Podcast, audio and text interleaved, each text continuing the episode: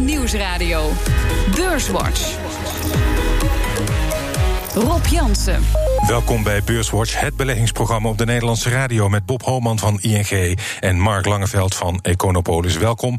Ja, een paar geruststellende woorden uit China hebben de stemming op de beurzen goed gedaan en wellicht dat de dalende rente ook uh, een handje heeft geholpen. Blijft dat de komende weken zo of blijft het onzeker ook? Wat denk jij, Bob? Ja, natuurlijk blijft het onzeker, maar ik denk wel dat uh, de beurs zich uh, goed blijft, blijft houden. Want van de ene kant, als er slecht economisch nieuws komt of iets over de handelsoorlog, dan denkt men, ach, die rente gaat nog lager, dus dat geeft steun. En van de andere kant, als het rustig blijft, denkt men, ach, die economie die trekt misschien wat aan. Dus, en die rente die blijft tegelijkertijd heel laag. Dus ik ben best positief eigenlijk. Mark, ook positief? Het zal jawel ja. positief richting jaareinde, maar uh, de volatiliteit die wordt getriggerd door tweets van een president uh, van Amerika. Uh, of een antwoord van China. Ja. Ik denk dat we dat de komende weken nog gewoon blijven houden. Dus dat we van tijd tot tijd wel heen en weer corrigeren. Het was de week waarin oud-Volkswagen-topman Ferdinand Piech, een icoon in de auto-industrie, overleed. Wenn es um Krieg geht, sind am Ende weniger vorhanden. Und es gibt immer Gewinner und Verlierer. Und ich habe die Absicht, mit unseren Partnern, die VW in der ganzen Welt hat, de Sieger zu sein. En aannemer Volker Wessels wordt geplaagd door strenge regels omtrent stikstof. Topman Jan de Ruiter zegt dat de richtlijnen niet duidelijk genoeg zijn. Je ziet dat die verschillend wordt uitgelegd in verschillende landen. En dan is de discussie, zijn we nou in Nederland te streng? Of in onze buurlanden niet streng genoeg? Het tweede, dat is meer een, een neveneffect, is dat door die onduidelijkheid op dit moment... zie je dat iedereen eigenlijk stil gaat staan. En het was de week waarin premier Boris Johnson de Britse politici in de gordijnen joeg. We're not going to wait until October the 31st before getting on with our plans to take this country forward. And to do that, we need new legislation. We've got to be uh, bringing forward new and important bills. And that's why we are going to have a Queen's speech.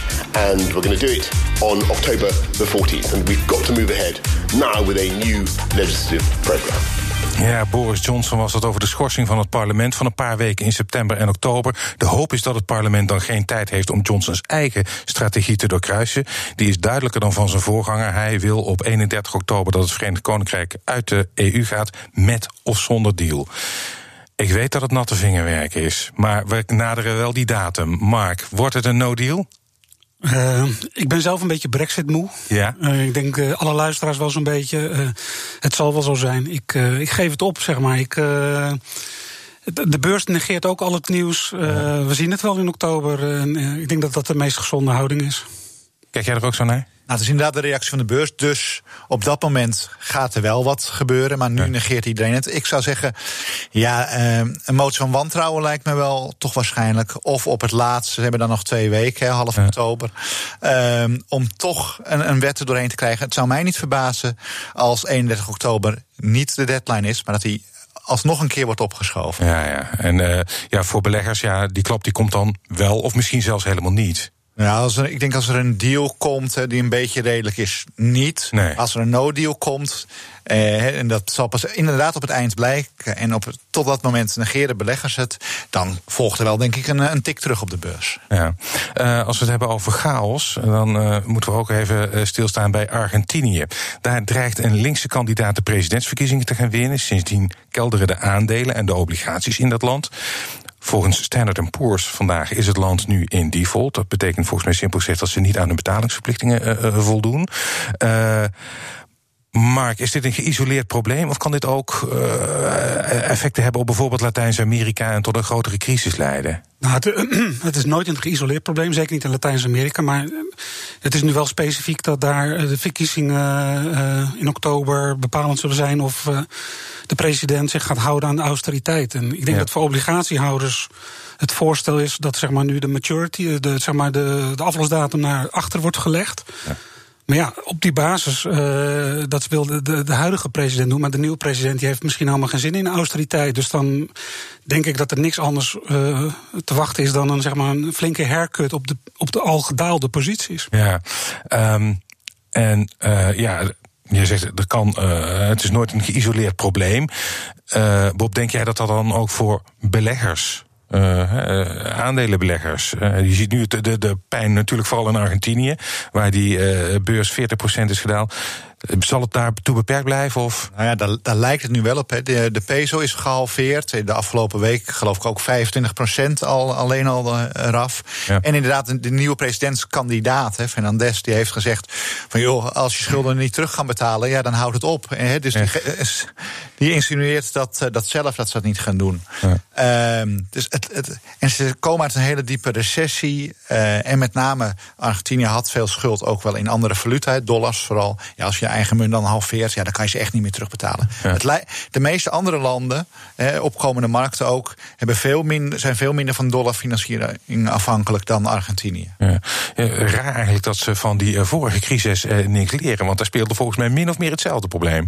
Uh, dat is misschien juist wel de, de truc. Hè? Als je iedere keer default, ga je weer met een schone lei beginnen. En zolang na tien jaar beleggers het spelletje weer bereid zijn te spelen, ja, waarom niet? Maar dat is ook, beleggers zijn gezien de negatieve rentes die overal zijn. Ja steeds op zoek naar een beetje yield. Ja, en uh, dan kan je wel eens in zo'n valkuil of een, uh, zoiets trappen als wat Argentinië heet. Uh, want het is niet de eerste keer dat ze failliet gaan. Hè? Het, nee, zeker niet. En de kuil is, lijkt er tamelijk diep te worden, ja. denk ik. Um, is heel anders. Een opmerkelijk advies deze week van de Zwitserse zakenbank UBS om maar uit aandelen te stappen. Ze beheren zelf een vermogen van 2,5 biljoen dollar. Bob, ik vond het een beetje een opmerkelijk advies. Wat, hoe kijk jij er tegenaan? Ja, wij deden eigenlijk precies op hetzelfde moment. Eh, hebben wij aandelen bijgekocht. Omdat eh, begin augustus eh, de beurzen 5 tot 7 procent terugvielen. Was voor ons het moment om wat te kopen. Juist omdat obligaties in die periode ook echt ontzettend duur waren geworden. Hè, met hele negatieve rentes. Lijkt, lijken aandelen ons relatief nog wel een goede deal. Ja. Mark, hoe zie jij dat? Nou, helemaal mee eens. Ik, uh, ik, geloof dat er nu 17.000 miljard negatieve obligaties, of die negatieve yielding obligaties wereldwijd zijn. Spaarrentes worden negatief. Ja.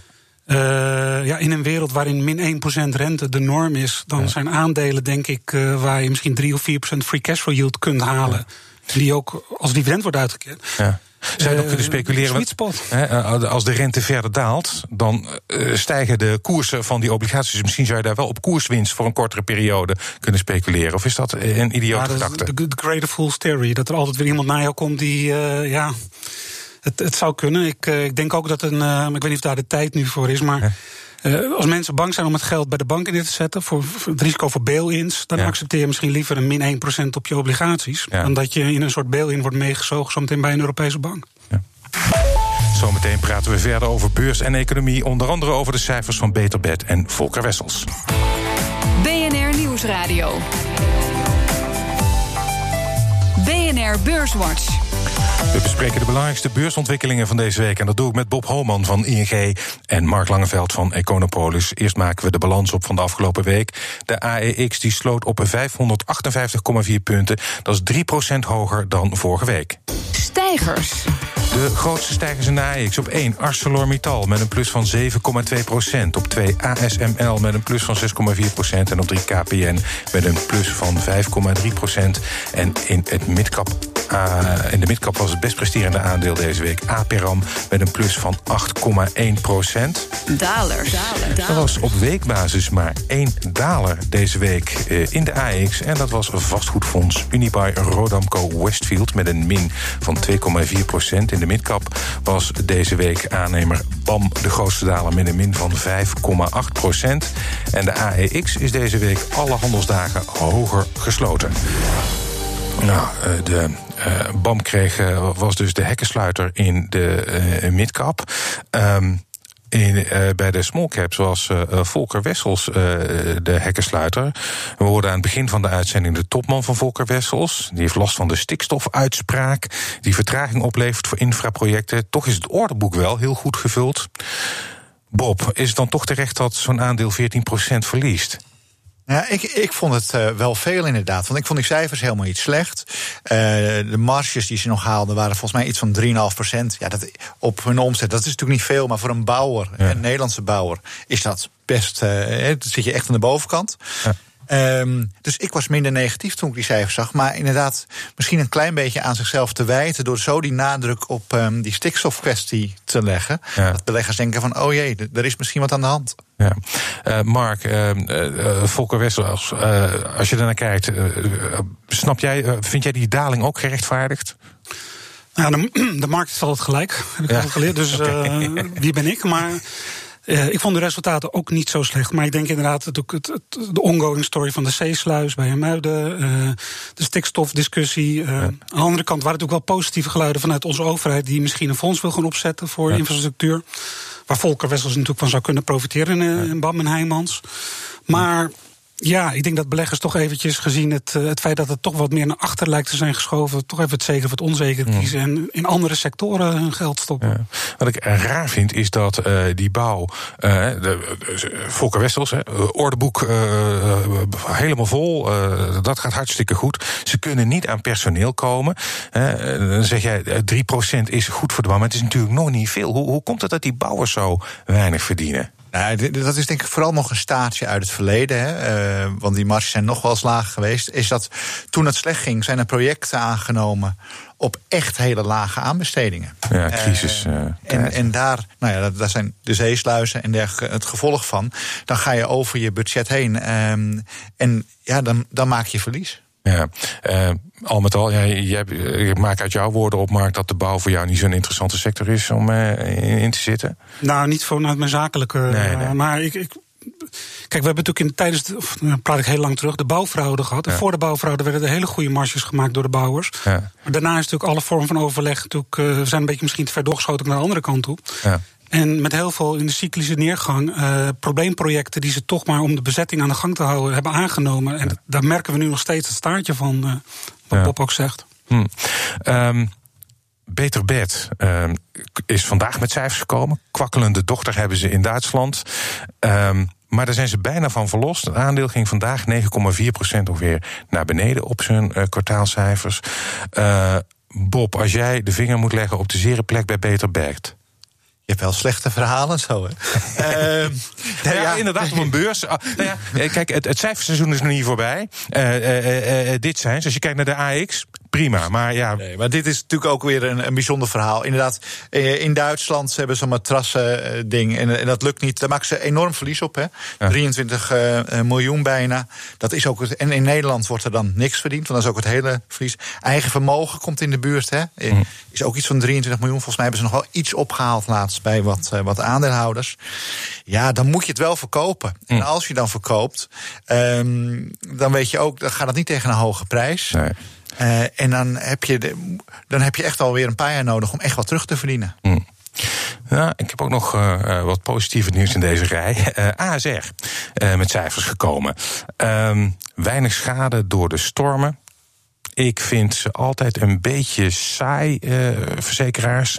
Marco, kijk jij naar ASR? Wat vond je ervan? Nou prima kwaliteit verzekeraar. met gezonde ratio's. Maar net wat ik al zei, in een wereld waarin de, de lange rente in heel veel landen min of negatief is inmiddels. Dat zijn niet de beste marktomstandigheden voor een verzekeraar natuurlijk, om rendement te, behalen. Dus ik vind het, ja, aan de ene kant de waardering lijkt me wel interessant, want je praat over een 10% free cash flow yield in ASR.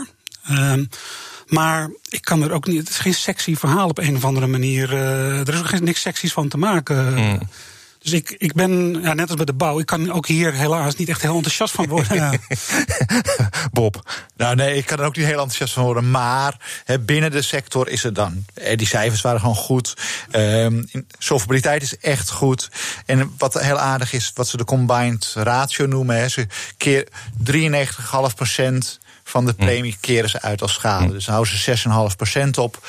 Dat is echt wel goed voor een, uh, voor een verzekeraar. Dus dat schadebedrijf zit goed in elkaar. En leven, ja, dat is inderdaad een afbouwende business. Waar uh, als, als je pech hebt dat die rente nog verder daalt, hmm. uh, nog geld bij moet ook. Ja, probeer ik het nog een keer. Uh, Eurocommercial. Retail is, hè, weet ik, riskante business. Um, en ze, uh, Eurocommercial uh, Properties verhuurt winkelpanden. Ze zagen wel hun inkomsten stijgen. Um, maakt ze dat misschien interessant, Bob? Ja, nou, ik vind eigenlijk van wel. Ja, want vastgoed wereldwijd uh, staat op een hoogtepunt, alle tijden. De Nederlandse vastgoedbedrijven handelen op een discount van 40% ten opzichte van hun intrinsieke waarde. En als je dan kijkt naar een dividendrendement van 9,1%, ze weten hun huren nog te verhogen. Bezettingsgraad van 99%, wow. dus maar 1% leegstand. En natuurlijk zit er wel een soort verzadiging in die winkelstraten. Hè. De, heel veel is opgevuld met horeca. Dat houdt een keertje op. En dat is denk ik waar beleggers bang voor zijn. En dat, wat de waardering echt heel laag maakt. Ja, uh, ik zeg ja net, Mark. Uh, maar ja, het, is, nou ja, goed, ik wil niet de negatieve as zijn, uh, je weet wel zijn. Maar met een dividendrendement van 9%, en bij Wereldhaven ligt het ook iets van boven de 10. met een hele hoge bezettingsgraad van een Wereldhaven ook 97 en Eurocommercial 99% Wat het mij vertelt dat het op zo'n korting handelt, betekent eigenlijk dat ofwel beleggers dat dividend niet als houdbaar beschouwen. Um, en uh, waarschijnlijk dat de NAV, de, de intrinsieke waarde van alle gebouwen, doordat ze jaarlijks nu hele scherpe onderhandelingen hebben met de huurders, want die gaan volgens mij allemaal met gestrekt been momenteel bij alle contractonderhandelingen weer erin. Ja. Dat zal de reden zijn dat beleggers toch een beetje uh, moeilijke tijden zien komen voor vastgoed. Uh, en dus ja, helaas ben ik voor, volgens mij voor de vierde keer nu een beetje prudent. Maar ik ik, ik vind het moeilijk, eh, want ik geloof niet dat een 9% dividendrendement houdbaar is in deze sector. Zeker nu we negatieve rentes hebben op heel veel andere vehicles. Hm. Helemaal eens. Als we bedrijven die inderdaad meer dan, nou wat zal het zijn, 6% dividend uitkeren, dan weet je, er gaat iets gebeuren. Hm. Maar goed, al halveert het. Hm. Ja. Nou, ehm, we zijn bijna aan het einde eh, van de uitzending. En dat betekent uh, dat jij zelf wel iets heel positiefs mag aanbrengen, Mark. Ja, gelukkig, gelukkig toch nog wel iets. Ja, ja, ja, jouw tip voor de luisteraar. Ja, nou, ik heb hem een, drie, vier weken geleden ook al genoemd. het is een gaming aandeel in Polen, genaamd CD Projekt. Ik heb daar zelf voor mijn fonds ook positie in. Uh, dat gaat in 2020 uh, volgens mij met de, de, de beste game komen die alle aandacht zal trekken in 2020. Dus wat nu Fortnite heeft, dat zal. Mm -hmm. Cyberpunk 2077, uh, dat zo heet het spel, ja. in 2020 zijn. wordt in april gelanceerd. En dat is de reden waarom ik zeer enthousiast blijf over CD Projekt in, in Polen. Het is een bedrijf met een marktcap van meer dan 6 miljard. Wauw. Um, Oké, okay. CD Projekt. Bob, wat is jouw tip voor de luisteraar? Uh, ja, uitspraak altijd moeilijk, maar het Franse Bouygues. Bouygues, ja. Uh, een bouwonderneming, ja. uh, maar ook telecom, televisie. Dus echt wel een conglomeraat. Maar overal wel marktleider in Frankrijk. Dus wel heel erg afhankelijk van die Franse economie. Maar die Franse economie draait op dit moment best goed. En na de gele hesjes ja. zie je... Frankrijk is eigenlijk misschien wel de sterkste, de sterkste economie van Europa op dit uh, moment. Ja.